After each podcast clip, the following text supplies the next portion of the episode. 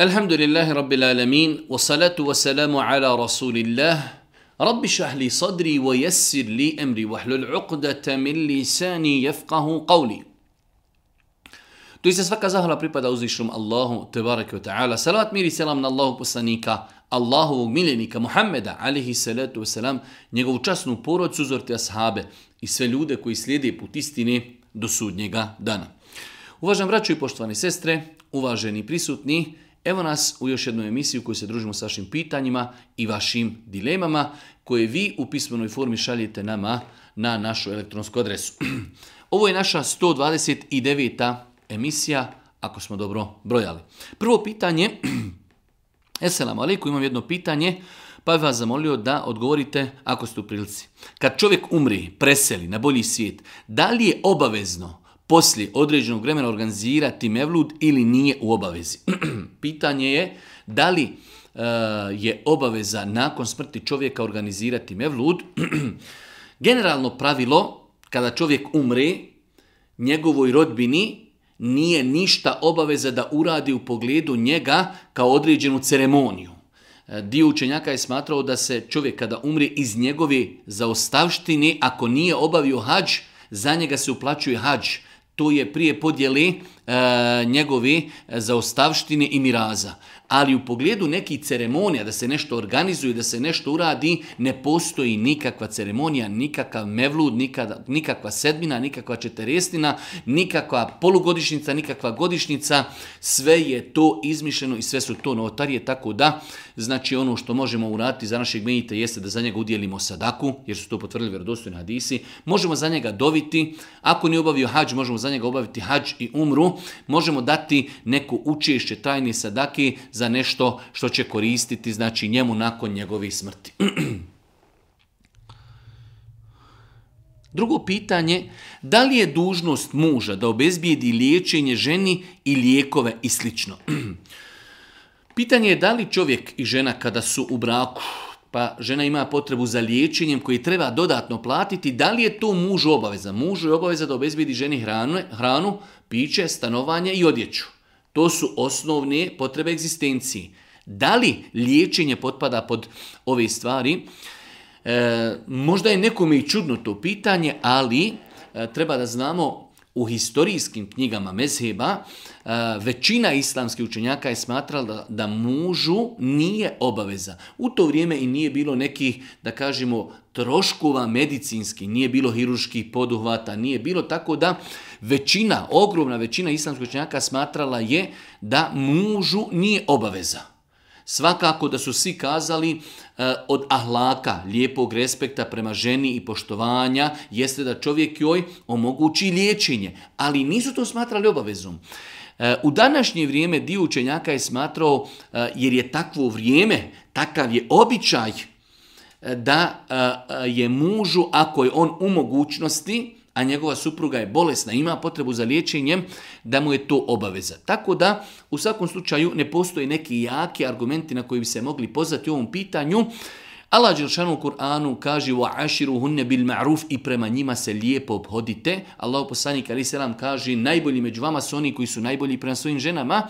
Allah najbolji zna, svi ti argumenti ukazuju da čovjek treba da se lijepo obhodi prema ženi, a sastavni dio lijepog obhođenja prema supruzi jeste i da čovjek, ako on ima mogućnost, a žena ima potrebu, da joj financira liječenje.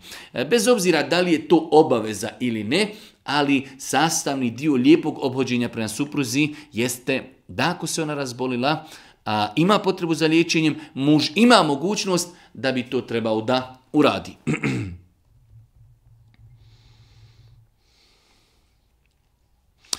Pitam vas to jer često, mhm, e, možete li mi odgovoriti da li je pranje ušiju tokom abdesta farz? Pitam vas to jer često kada se nađem u situaciji kad uzmem abdest mimo kući da se mora cijela mahrama pomjeriti i tako dalje. Znači pitanje je da li je obaveza prilikom abdesta potrati uši. Džumhur islamskih učenjaka, većina učenjaka, čak su neki naveli konsenzus islamskog učenjaka da čovjek kada bi abdestio i ne bi potrao uši da je njegov abdest validan. Znači, e, ogromna većina islamskog učenjaka je smatrala ispravnim abdest ako čovjek ne potari uši. E, praksa Allahog je bila da je kontinuirano prilikom abdesta potirao uši tako da čovjek vjernik ne treba izostavljati potiranje ušiju. Kad su pitaju naše majke i sestre, mi smo kazali da kada žene prilikom uzimanja abdesta, kada nisu u kući, na poslu, na putovanju i tako dalje, da mogu potrati po mahrami. Ali isto tako ne vidim nikakav problem da žena ispod mahrami podvuče svoje prste i da potari uši. Znači ima olakšica da prilikom abdesta žena može potrati po mahrami, ali isto tako ne vidim nikakav problem da žena malo možda samo popusti mahramu, uvuče prste, potari svoje uši i ako Bog da time slijedi sunet praksu Božih poslanika, ali ako bi se doista našla u situaciji da ne može, da je teško, da je možda jednostavno tako zakopčala mahramu, da je negdje na putu, ne može nikako, na, znači abdest je ispravan bez potiranja ušiju. Imam Taberi navodi konsenzus islamskog činjaka u pogledu tog pitanja. Moji roditelji se protivi da se ja oženim sa ženom e, koja je romskog porijekla, jer je preporučljivo da se to ne radi u islamu po onome što su čuli. Hoću da vas pitam je li to ispravno ili nije. u svakom slučaju e, ne postoji dokaz na osnovu kojeg bi mogli čovjeka obavezati da određenu osobu e, zbog porijekla ženi ili ne. Allah Žešan kaže u Kur'anu inne inda Allahi Najbolji i najčestitiji, najvrijedniji kod Allah su oni koji ga se najviše boji. Pa je e, glavno pravilo i glavna osobina po kojoj mi vrednujemo ljude jeste bogobojaznost. Boja kože, porijeklo, izgled, sve to nema znači svoju težinu e, da bi rekli da to utiče na validnost braka. E, u ovakvim situacijama ja lično preporučujem roditeljima da budu tolerantni, ali isto tako i mladoženja treba da uzima u obzir određene faktore vremena i prostora u kojem on živi.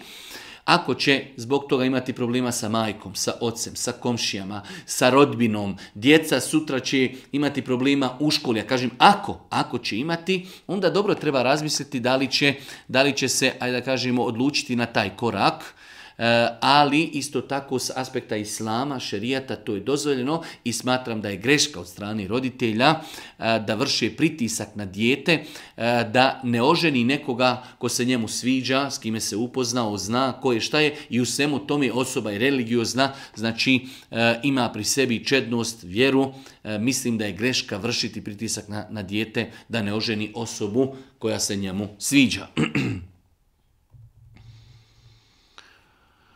U jednom videu ste rekli da čovjek prije, protiv sihra i anksioznosti može sam sebi učiti rukju. Kako da proučimo sebi rukju? Učenje sebi rukije je više nego jednostavno. Čovjek može učiti rukiju na način da prouči određene kuranske ajete u ruke. Znači da uči u ruke E, da pljucni u ruke i da onda potari sve dijelove tijela koje može dohvati. Znači da čovjek prouči kul huvalla, kul euzebra bil fela, kul nas i da se potari. Može čovjek proučiti Kur'an na vodu i piti tu vodu ili na hranu. Može staviti ruku na određeno mjesto koje ga boli i učiti Kur'an. Znači e, sve su to. Može čovjek učiti Kur'an i e, znači bez pljuvačke pljuckati niza se. Znači čovjek prouči Fatihu pa pljucne po sebi. Prouči ajtel kursi pa pljucne po sebi. Sve su to, inšala biznila, eh, validni i dozvoljeni načini kako i na koji način da čovjek sebi uči rukju.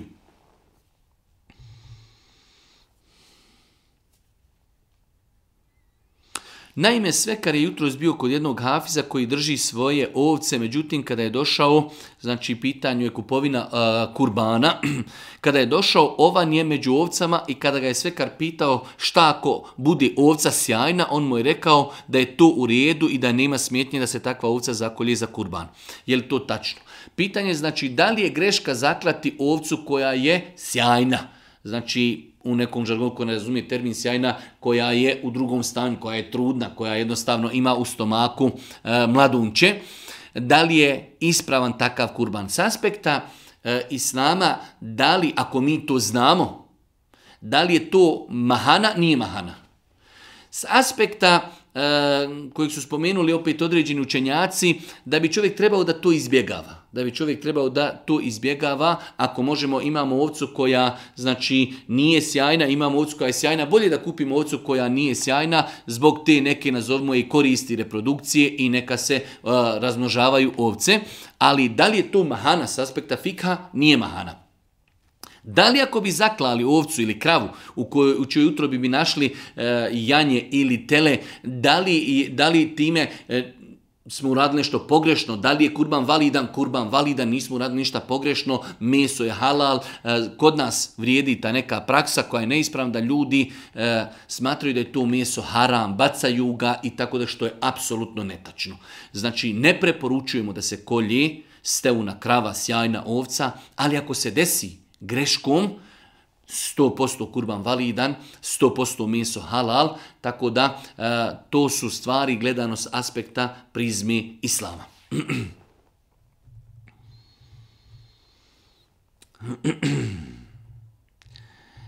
Jedno pitanje u kojem jedan naš znači pratitelj postavio jedno malo duže pitanje, u svakom slučaju slušao je e, određenog hafiza, on je ovdje spomenuo ime, ali mi nikad ne spominjemo imena ljudi. u kojem je taj Hafiz citirao hadis koji bilježi i Buharija i Muslim od Ibnu Abbas radijallahu ta'ala da je Ibnu Abbas kazao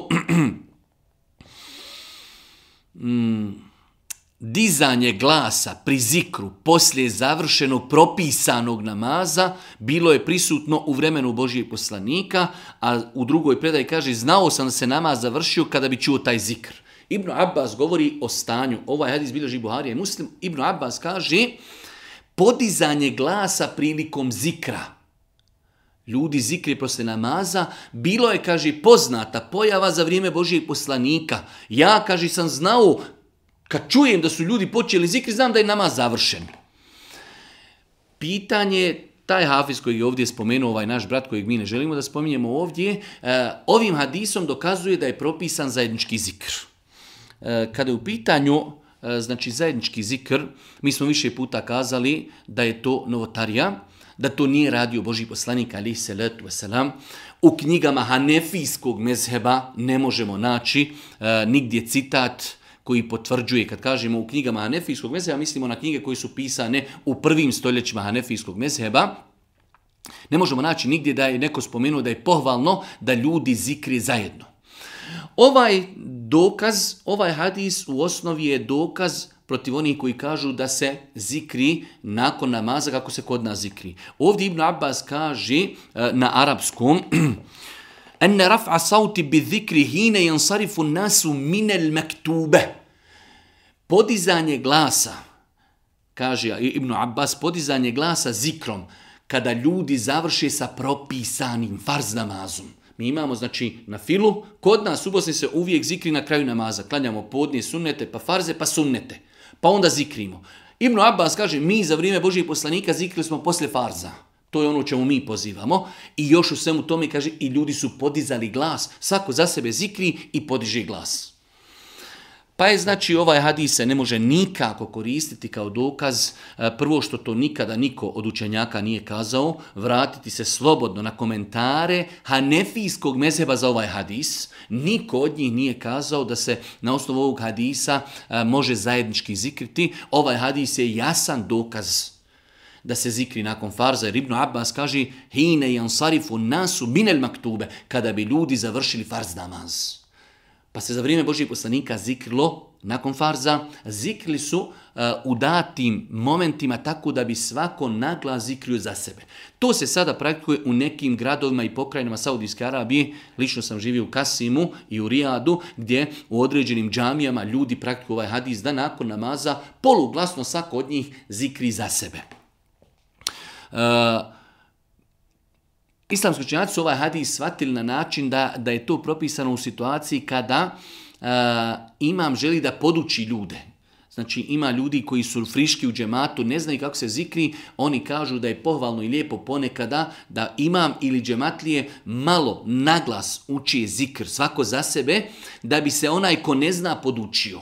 Danas, alhamdulillah, imamo aplikacije, imamo knjižice, imamo ilmihale iz kojih možemo naučiti zikr, tako, ali nekada prije nije bilo knjiga, bilo je manje znanja ilma. Jedan od načina i metoda podučavanja ljudi jeste i to da se, znači, da oni koji znaju uče naglas, da ostali se poduči. U svakom slučaju, ovaj hadis je vjerodostojan od Ibn Abbasa ne može se nikako koristiti kao dokaz za zajednički zikr.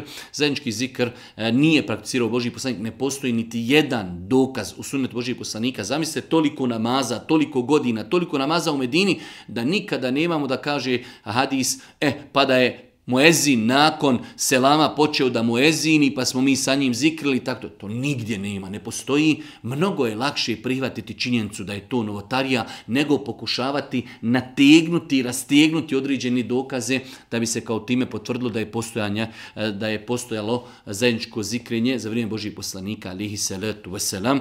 Znači ovaj hadis je jasan dokaz da se zikrilo nakon farza.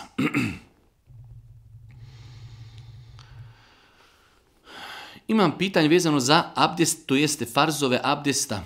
Ako bi... Mhm. A bio bih vam zahvalan na odgovoru. Imam problem sa licem, oboljenje gdje ne bi smio kvasiti lice. Da li lice spada pod farz i tako dalje? Da li je ispravan abdest ako bi izostavio pranje lica? pranje lica prilikom abdesta je temeljni dio abdesta. Allah ono kad kaže u Kur'anu da da ila salati fagsiru wujuhakum wa idijekum kada tjednete da uzmete abdest i krenete da namaz obavite, operite lica. Pa je znači pranje lica farz u abdestu. To je s jedne strane. Ali se to misli na normalne uvjete. Šta ćemo sa osobom koja kaže ja imam osip, imam jednostavno problema s kožom, eh, osjetljiva mi je koža, ako uzmem abdest pogoršavam situaciju, eh, osip, rane, guli mi se koža i tako dalje. U takvim situacijama islamski činjaci su kazali da čovjek će oprati ono što može, a ono što ne može nadomjestit ćete jemomom. Tako da, znači, eh, ovo nikako ne znači poigravanje sa propisima. Pranje lica za one osobe koje mogu je farz. Ali imamo situacije kada ljudi imaju problema sa kožnim oboljenjima i mora se za takve ljude naći rješenje. Rješenje je da insan ako ima problema sa pranjem lica i doktori mu kažu problem nastaje od vodi, onda mu kažemo abdesti operi ono što možeš redoslijedom, kada dođeš do dijela gdje ne možeš prati, preskoči, nakon toga uzmi tejemum, kojim ćeš nadomjestiti ono što nisi oprao. Inša Allah, e, u takvoj situaciji insan je poduzeo ono što je mogao i pravno je čist da obavi namaz. Hoću da zakonjem akiku, međutim vidio sam da neki govore da se ne smiju kosti lomiti od akike. Je li tačno? Nije tačno. Ne postoji niti jedan validan, jasan dokaz koji e, zabranjuje lomljenje kostiju, da li kurbana, da li akike, tako da nije mi poznato da postoji bilo kakav vjerodostojan hadis koji ili kuranski ajet koji zabranjuje e, da se lomi kosti prilikom e, klanja akike. Dokazi u islamu su Kur'an i sunnet. Ako nemamo dokaza iz Kur'ana i nema dokaza iz sunneta, stvari ostaju na dozvoli i ostaju da su dopuštene sve dok imamo neki dokaz koji to zabranjuje.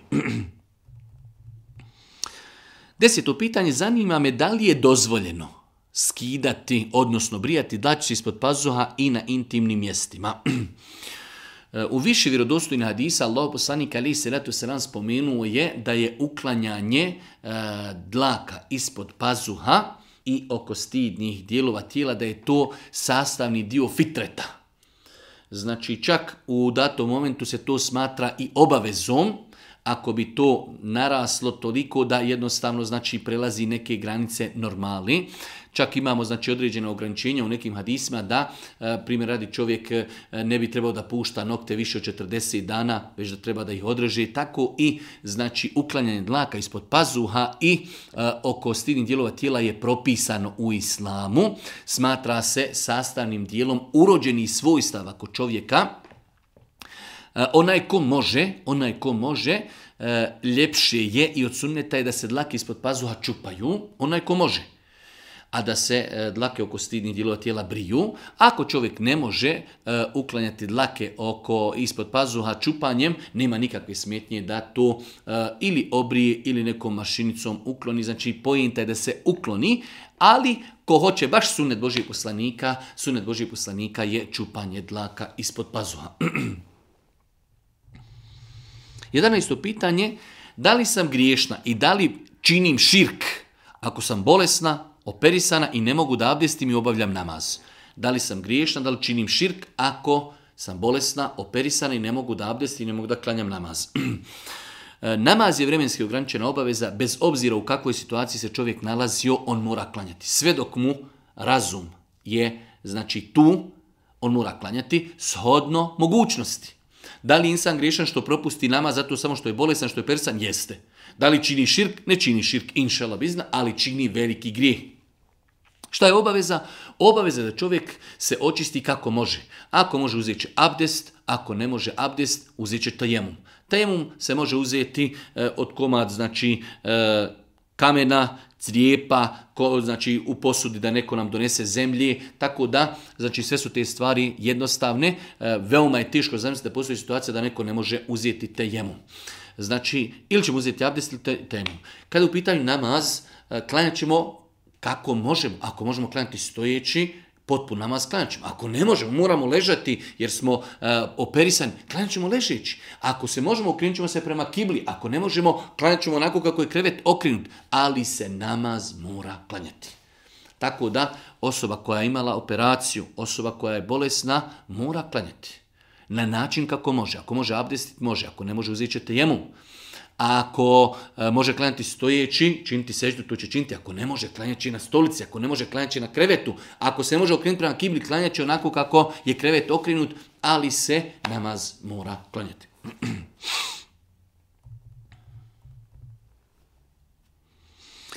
E, jedno pitanje, imam jedno pitanje u vezi moje majke Rahmetli. Ona je imala veliki problema sa džinsko-šetanskim uzdemiravanjem. uznemiravanjem ona je počinila samoubistvo, da joj se Allah smiluje. E sada, kaže, čujem da, se tak, da, da će takve osobe biti vječno u džehennemu i da se takvim osobama ne klanja dženaza. Je li to tačno? Nije tačno ni jedno ni drugo. Samoubistvo se u islamu smatra jedan od najvećih griha, ali isto tako ako je insan bio musliman, monoteista. Da ne govorimo o tome e, da je jedan vid neću reći opravdanja, ali razlog da drugačije gledamo na to pitanje da je to čovjek možda uradio kao e, plod uticaja džina i šetana na njega. Ali bez obzira je li uradio kao plod e, džinsko-šetanskog djelovanja ili ne, e, u islamu samoubistvo je veliki grijeh. A vjerovanje ehli sunete u pogledu osoba koje su radile veliki grijeh jeste da će one, ako im Allah ne oprosti, biti jedan period kažnjen u džehennemu, a onda će zbog svog monoteizma, zbog riječi la ilaha illallah, zbog vjeri u Allaha, završće na kraju u džennetu. Tako da je propisano da se klanja dženaza osobi koja, ako je bila musliman prije toga, izvršila sam ubistvo, klanja se dženaza. Čak kažu islamski učenjaci, mnogo je prioritetnije da se njoj klanja, jer je dženaza šta? Dova Allahu da oprosti insanu. Pa su kazali islamski učenjaci da je prioritetnije i bitnije da se potrudimo da odemo klanjamo dženazu osobi koja je izvršila samoubistvo nego nekome koji je bio poznat, hajili, klanju i tako dalje. Tako da, e, samoubistvo je veliki grijeh, ne izvodi čovjeka iz islama. Samo ubici, osoba koja je izvršila samoubistvo, klanja se dženaza, svakako, znači gasuli se, ukopaje se, dovi se Allahu za nju, e, vjerovanje ehli sunneta je da će takve osobe, ako im Allah ne oprosti, biti kažnjeni u džehennemu, a na kraju će završiti u džennetu. Da li je dozvoljeno moliti uzvišnog Allaha za sabor? Negdje sam na nekom sajtu naletio na taj stav da ako moliš uzvišnog gospodara za sabor, da to ujedno znači da nam on povećava iskušenja. Ima hadis na tu temu, ali taj hadis nije vjerodostojan, baif Tako da, nije tačno da e, je zabran čovjeku da moli Allah da mu podari sabor. Allah Đeršanu u suri El Beqara kada govori o Davudu a.s. kaže Efriga alina sabra. Davudova vojska a.s. kada se borila protiv Đaluta dovili su gospodaru podari nam Efriga sabran. Podari nam, učvrsti nam, saspi na nas sabor podari nam sabura e, u iskušenju koji nam dolazi, tako da e, nema smetnji. Svi mi u životu prolazimo kroz neka iskušenja, da sam moli Allah, gospodaru, podari mi strpljenja i sabora, da iznesem ova iskušenja u kojima se trenutno nalazim, nema nikakve, apsolutno nikakve smetnje. Htio sam da vas pitam vezano za džumu. Šef me pustio da idem na džumu, a piše mi sate da mi ide normalno dnevnica i je li mi taj novac halal. u svakom slučaju, e, ako je u pitanju čovjek koji je vlasnik firme, ima ingerencije da nam sad kojeg mi nismo radili, napiše kao da smo ga radili, to je njegov poklon nama. Čovjek kaže ti si vjernik, Allah te nagradio, idi na džumu, ja ti pišem taj sad da si ga radio to je njegovo pravo. Kao da ti dadni, kad kreniš kući 20 maraka dodatni. dadni ti poklon sahat ili nešto drugo, ako čovjek ima ingerencije da to uradi, nema smetnje da čovjek taj novac poslije uzme, jer je to njegov vid poklona tebi. Ti si otišao obavio ono čime te je gospodar obavio, e, obavezao, a on kaže ja ću ti voditi taj sahat tremena kao da si bio na poslu. Uz pomoć ne vidim u tome ništa, ne vidim u tome ništa sporno.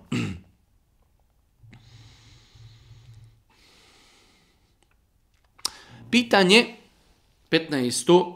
Zašto moramo klanjati pet puta dnevno? U nekoj suri u Kur'anu sam našao da se klanja tri puta. U suri e, Hud 114. ajet Allah kaže i obavljaj molitvu početkom i krajem dana i u prvim časovima noći. Dobra djela doista poništavaju hrđava, to je za onih koji pouku želi.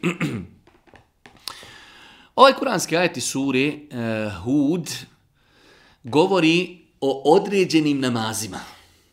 Ne isključuje obaveznost drugih namaza. Znači Allah Žešan kaže i obavljaj molit početkom i krajem dana.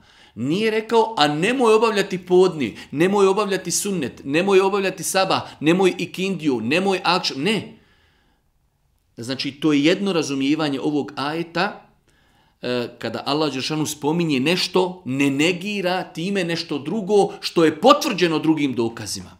To je jedno, jedno svatanje ovog ajta. Drugo svatanje ajta da se ovaj ajet odnosi na e, period prije nego što je muslimanima propisano i obavezno klanjanje pet dnevnih namaza kada je Allah poslanik bio na poznatom putovanju Isra wal Mi'rađu pa je e, iznad sedmog neba e, Božijem poslaniku uzvišen Allah subhanahu wa ta'ala u direktnom razgovoru propisao i naredio pet namaza i njegovom ummetu.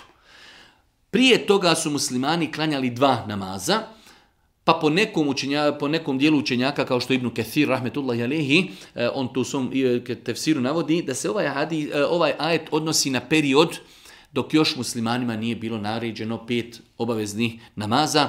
Konsenzus islamskog učenjaka je da je muslimanima današnjeg perioda, znači nakon što je umru Boži poslanik, E, u vjerodostojnim hadisima potvrđeno da je u toku dana pet namaza, sabah, podnik, indija, akšam, jacija. Znači to je e, po konsensusu islamskih učenjaka toliko je e, vjerodostojni hadisa gdje Allah poslanik pojašnjava vremenska vremena, namaska vremena, pet namaza u islamu, pet namaza u islamu, tako da znači nema nikakve sumnje 0,0001% da je u islamu obaveza klanjati pet dnevnih namaza, sabah, podnik, indiju, akšam i jaciju. Ovaj ajet možemo razumjeti na dva načina, e, da to što uzvišeni Allah spominje e, određena namaska vremena, ne negira obaveznost drugih namaza, a s jednog drugog aspekta ovaj se, ovi sajeti mogu razumjeti da su bili oni na snazi dok muslimanima još nije bio naređen znači namaz u posljednjoj formi, znači onako kako je naređeno pet dnevnih namaza.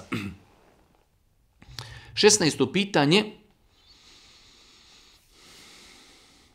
Naime, radi se o tome da poznajem jednog čovjeka koji štima manje saobraćajne nesreće, to jeste iskoristi priliku da vidi da neko krši saobraćajne propise i napravi udes namjerno. Naplati odštetu, je li halal od toga živjeti.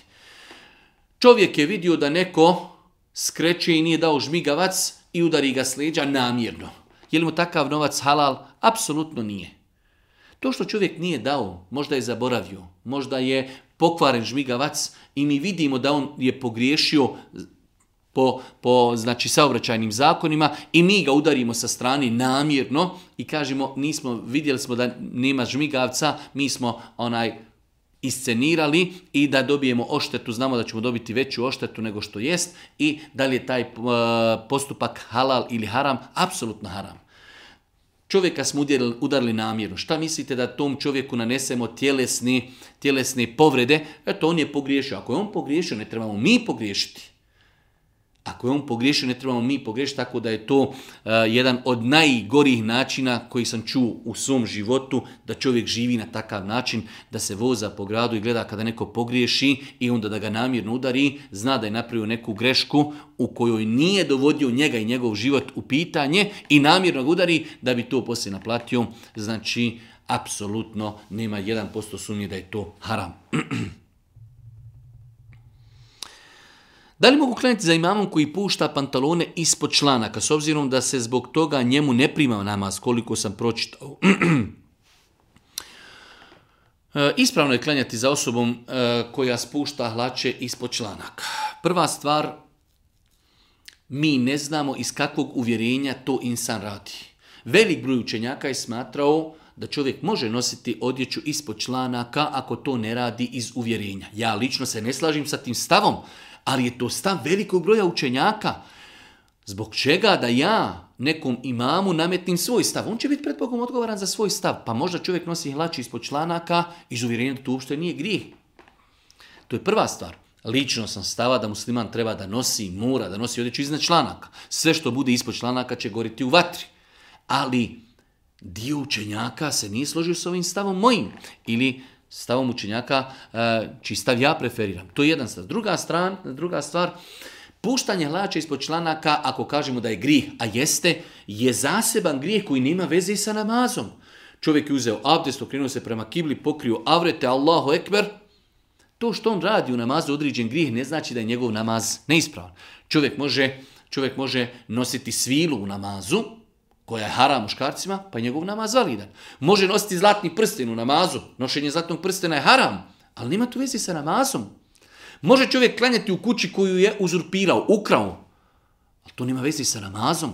Tako da, e, ostaje treći odgovor, e, postoji jedan hadis, Eh, iz kojeg bi se moglo satiti da osoba koja ima odjeću ispod članaka da je namaz nije validan, ali takav hadis nije vjerodostan. bajiv tako da nema smetnje kladnjati za osobom koja ima hlače ispod članaka. Možda to radi iz uvjerenja da je dozvoljeno. To je zaseban grijeh Eh, hadisi koji, iz kojih bi se moglo shvatiti da je takav namaz neispravan su baif, Tako da nima smetnje klanjati, svakako ostaje savjet, ostaje do čovjek ako eh, vidi situaciju eh, pogodnom da se razgovara sa imamom, kaže Allah te nagradio, od sunneta i Boži poslanik je to zabranio i tako dalje. Ako posluša dobro i jest, ako ne posluša namaz za takvom osobom je validan. Odnedavno sam počeo da klanjam pet dnevnih namaza, klanjam u istoj kući u kojoj moj otac konzumira alkohol. E, je li to problem? Kako se ponašati?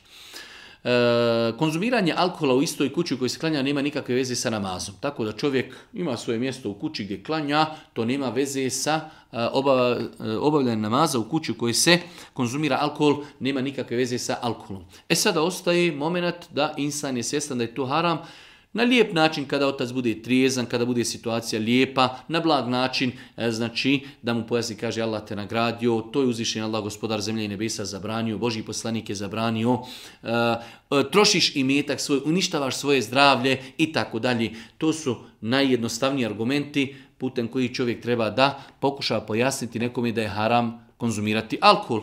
Ako prihvati dobro jest, ako ne prihvati, naš namaz u kući e, u kojoj se konzumira alkohol je ispravan.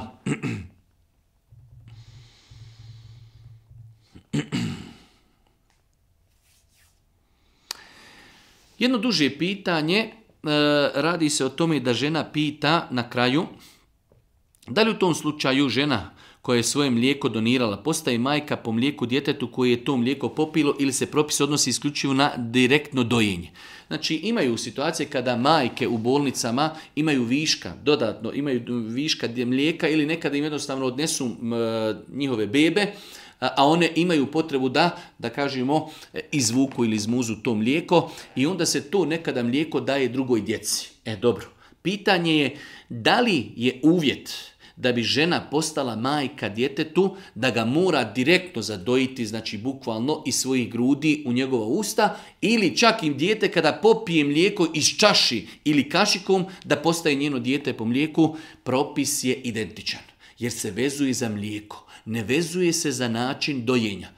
I znači dijete koje uzme čašu, šalicu ili uzme kašiku i popije mlijeko od neke žene i dijete koje je direktno dojelo tu ženu isti propis uzimaju. Ako dijete pet čaša ili pet puta posebno pije mlijeko od neke žene, ona njemu postaje majka po mlijeku. Znači, ako je žena sigurna da je to samo njeno mlijeko, da nije pomiješano sa mlijekom drugih žena, ako bi se desilo da neka žena, ne znam, nija Fatima, izmuze svoje mlijeko i to mlijeko druga žena dadne svom djetetu, ako se to ponovi pet puta, to dijete postaje njeno dijete, znači ona mu odnosno postaje majka po mlijeku, e, a, to dijete postaje njeno dijete po mlijeku.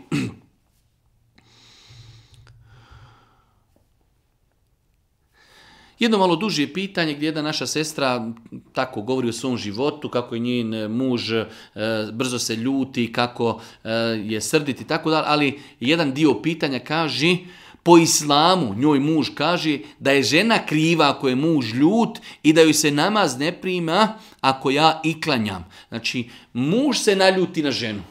Ali onda on njoj kaže, islam je takav kad se muž naljuti na ženu, žena je kriva što je muž ljut i u tom momentu se ženi ne prima namaz. Da li je to tačno? Apsolutno ne, to je zulum i nepravda. Tvrditi da, znači, kada se muž naljuti na ženu, da je žena kriva, i da ju se zbog toga ne prima namaz. Znači čovjek treba da, da bude zalim i da bude nepravedan prema svojoj ženi i a ako se on naljuti, ako ga ona eventualno znači u nečemu ne, ne posluša uh, zato što je na njoj zulum i nepravdu, ona je kriva. Kao što žena može biti kriva, može biti kriv i čovjek. Pogotovo ako se radi o osobama koje lako se ljute, koje jednostavno, a nažalost naš balkanski, bosanski, bošnjački mentalitet jeste da muškarci se veoma brzo ljuti i da u većini slučajeva te krivice prebacuju na žene i tako dalje, ali to je odgovor je ovdje, to nema veze sa islamom. Kao što žena može biti kriva, isto tako može biti kriv muž za probleme u braku, za njegovu ljutnju, za njegovu srđbu i to nema nikakve veze sa primanjem e, namaza, niti e, možemo kazati žena je uvijek kriva zašto je čovjek ljut. Apsolutno ne. Da li je grijeh farbanje kose u crno ili drugu neku boju? Muškarac sam. Kada je u pitanju farbane kose, muškarcima je i ženama zabrano da se farbaju u crnu boju. Allahu poslanik ali se na dan osvajanja Mekke doveli smo Ebu Bekrovog oca čija kosa je bila potpuno bijela, pa je Boži poslanik rekao obojite ga, znači ofarbajte ili urate već nešto, ali samo kad izbjegavajte crnu boju. Tako da eh, i muškarac, ako ima potrebu i želi da, da se ofarba, treba da izbjegava crnu boju i s druge strane u današnje vrijeme da izbjegava ono što je trend kod nevjernika, ono što je trend kod eh, ljudi koji su poznati po nemoralu i griješenju. Znači, muškarcima i ženama je dozvoljeno da se farbaju kosu, da izbjegavaju crno, ali isto tako da izbjegavaju oponašanje nevjernika i da izbjegavaju ponašanje nemoralnih osoba. Imate ljudi koji su poznati po nemoralu i on izađe sa nekom novom modom, e ja kao musliman sutra bi trebao da takvu nosim frizuru. Ne. Znači vjernik ako ima potrebu da, da ofarba kosu, onda će znači e, pridržavati se ovih pravila koja smo spomenuli. Da li mače spada u mahreme? Obrnuto ispravno postaviti.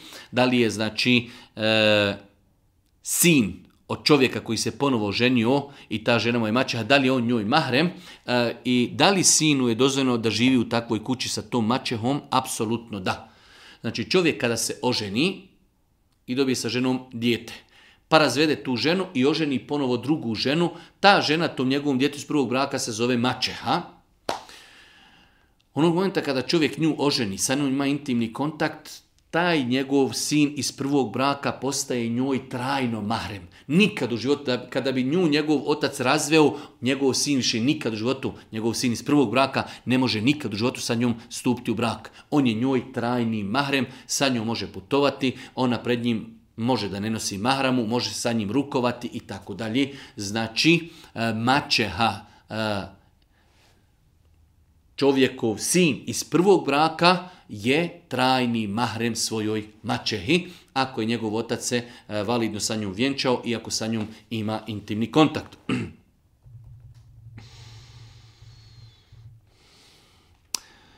Esselamu alaikum, imam problema sa lijevim dlanom.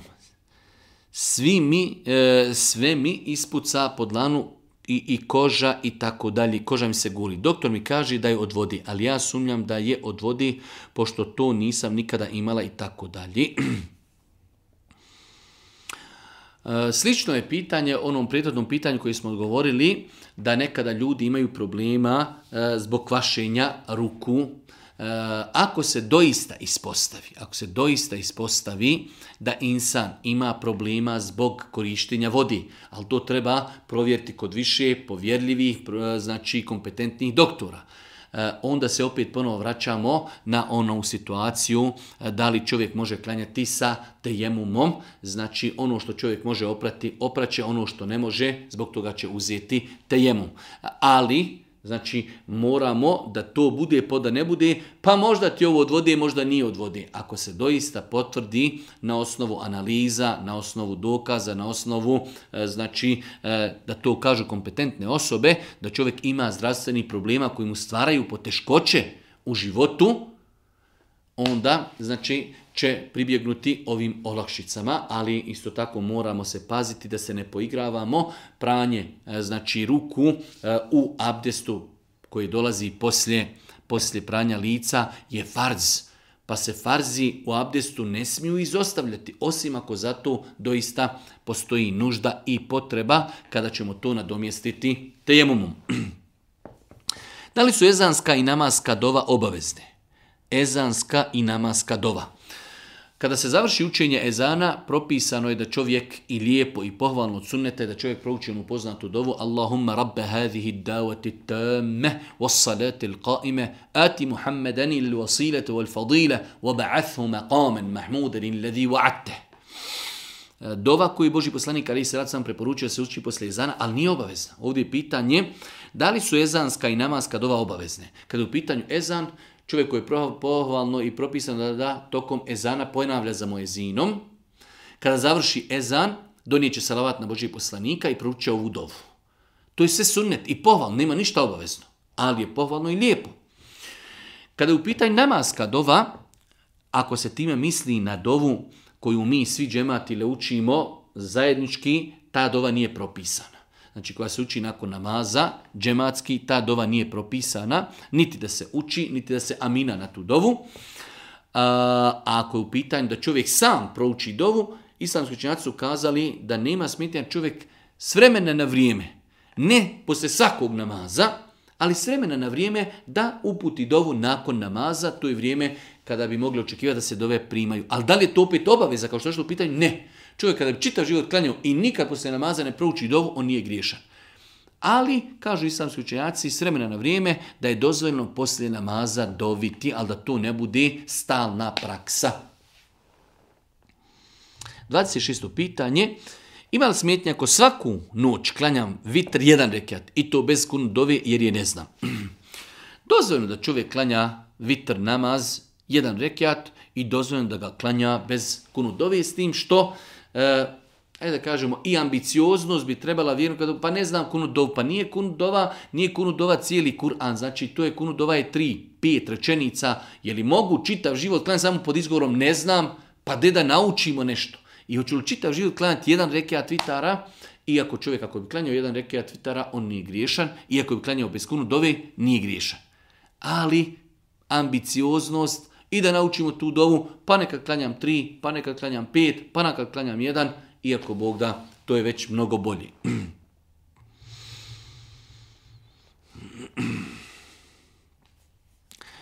Jedno malo duže pitanje, ali evo, pitanje je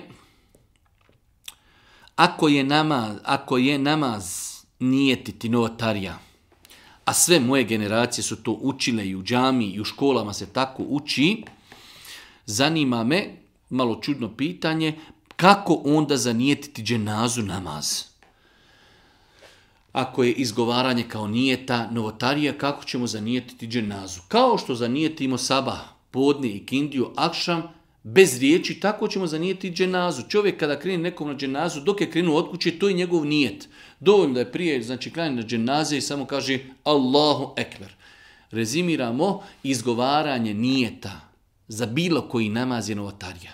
Da se radilo o Bajramu, o džumi, o dženazi, o farzovima, o nafilama, izgovaranje riječi nije ta riječima i novotarija. Nije to radio Boži poslanik i nisu to radile prvi generacije.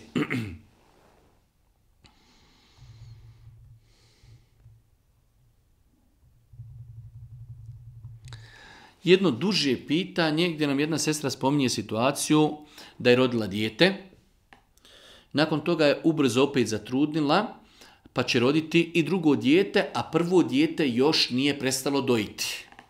Pa je pitanje da li je u islamu dozvoljeno takvo dojenje, da žena u isto vrijeme, znači, e, doji dvoje djeci, ili pitanje da li je dozvoljeno da žena u period dok je trudna doji dijete koje je prethodno rodila. Znači, žena je rodila dijete i zatrudna je je li sporno u islamu da žena doji dijete u stanju dok je trudna?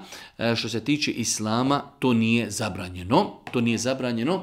Imamo hadis u kojem stoji, hadis koji zabilježima muslim, da kaže Allah poslanik لَقَدْ هَمَمْتُ أَنْ أَنْهَا عَنِ الْغِيلَتِ فَنَظَرْتُ فِي الرُّومِ وَالْفَارِسِ فَإِذَا هُمْ يُغِيلُونَ أَوْلَادَهُمْ فَلَا يَضُرُّ أَوْلَادَهُمْ ذَلِكَ شِيئًا Allah poslanik kaže, razmišljao sam da zabranim Gile. Ovaj termin gile, vidjet ćemo šta znači i poslije. Kaže, pa sam pogledao, pa sam vidio da Rimljani i Perzijanci to isto radi i vidio sam da im to ništa ne smeta djeci. E, imam Ennevi Rahmetullah Jalih u komentaru muslimovog sahiha navodi dva značenja ove riječi gile. Jedno značenje bi moglo, kaže, da bude da čovjek ima intimni kontakt sa, sa trudnicom. Znači ovaj hadis bi mogao da znači razmišljao sam da zabranim da ljudi imaju intimni kontakt sa ženom koja je trudnica. Pa sam vidio da Rimljani i Perzijanci to rade i vidio sam da to djeci ništa ne smeta.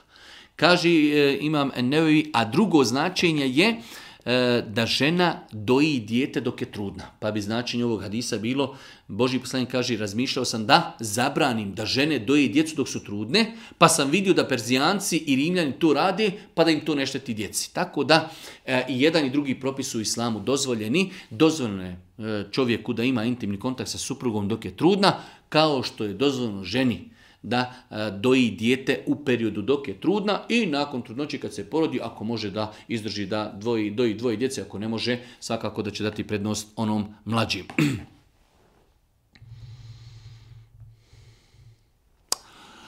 Na času vjeronauke smo radili halal i haram isram, pa smo tu spomenuli da je zečije meso mekruh. E sad, moje pitanje e, je to zbog čega je zečije meso pokuđeno. U vjerodostojnom hadisu kojeg bilježi ima muslim stoji da je Enes radijalahu kaže bili smo na putu, pa je izletio, znači pred nas zec, pa smo trčali, ganjali smo, uhvatili smo ga, pa sam ga, kaže, dao Ebu Talhi, pa ga Ebu Talha zaklao, pa smo ga ispekli i odnijeli smo poslaniku jedan dio, pa je Boži poslanik to prihvatio jeo. Tako da, jasan hadis koji bilo muslim, da za vrijeme Božih poslanika bilo zečiva, da su ih vatali, da su ih klali, da je Boži poslanik odobrio konzumiranje zečijeg mesa, tako da kazati da je zečije meso pokuđeno je neispravno, ne postoji dokaz, suprotno tomi, postoji dokaz da je zeće meso halal. 30. pitanje. Da li žena kojoj istekne idet grazu da smije da boravi u kući svoga muža? Znači žena, kada je čovjek razvede, prvi i drugi put tu su islamu smatraju opozivi razvodi. Propisano i pohvalno u opozivom razvoda žena znači provodi vrijeme e, u kući svoga muža. E sada, završio je idet. Znači čovjek je razveo ženu i ako je žena koja ima mjesečnicu, njena idet je tri mjesečna pranja i dobila žena tri mjesečna pranja, može li ona ostati u njegovoj kući da živi? Apsolutno da ne može. Jer samim prestankom ideta žena postaje strankinje za tog čovjeka kao da je to neka žena sa ulici. To što bi oni sada voljeli ponovo da stupe u kontakt i da ponovo se uzmu, to nikako nije razlog da žena ostane u toj kući. E sada oni ako želi da obnovi brak, moraju početi sve s nulom.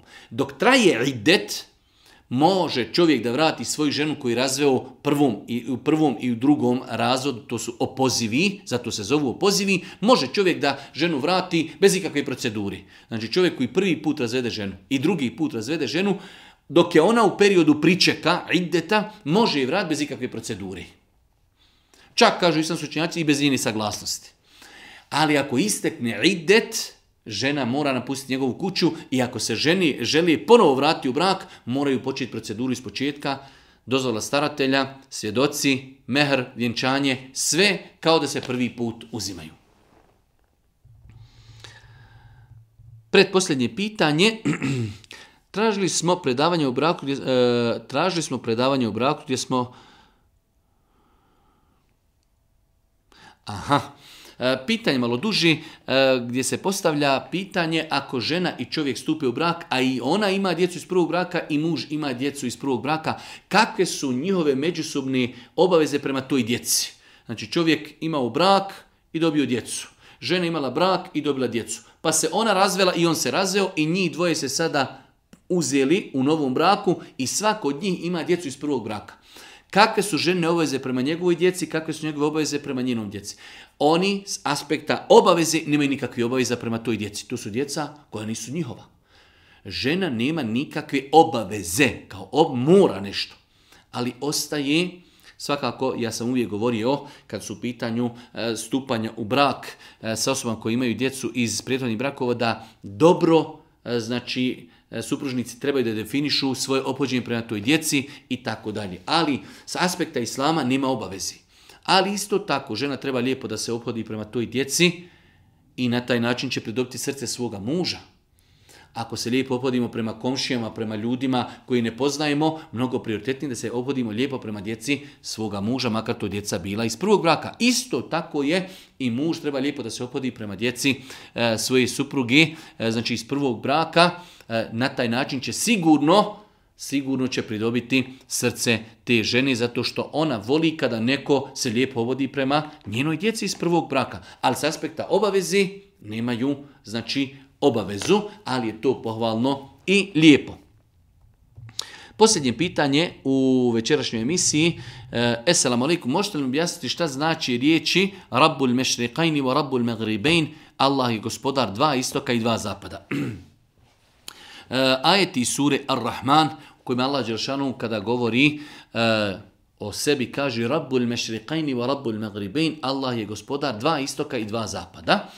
Na šta se odnosi? Većina islamskih učenjaka je spomenula da se to odnosi na, e, znači imamo, kada imamo istok izlazak sunca, imamo ljetnu izlazak sunca, imamo, imamo zimski izlazak sunca. Pa je to istok, pa je to zapad. Imamo e, ljetni izlazak sunca i zimski izlazak sunca, pa se tim ajeto misli Rabbul mešriqajni, gospodar dva istoka. Istok onaj gdje sunce izlazi ljeti i istok gdje sunce izlazi zimi. Isto tako e, e, gospodar dva zapada, zapad gdje sunce zalazi e, ljeti i gdje sunce zalazi zimi. To je jedna od tumačenja koji su islamski učenjaci spomenuli, spomenuli u komentaru ovog ajeta.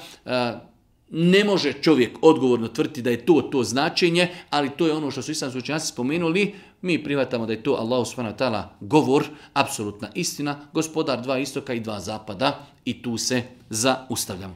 Molimo na Allah subhanahu wa ta'ala da nam podari korisno znanje, molimo subhanahu wa ta'ala da nas učite na putu istini na kraju. Subhaneke, Allahumma da bihamdike, ešhedu en la ilaha in stakfiruke, wa oh, oh.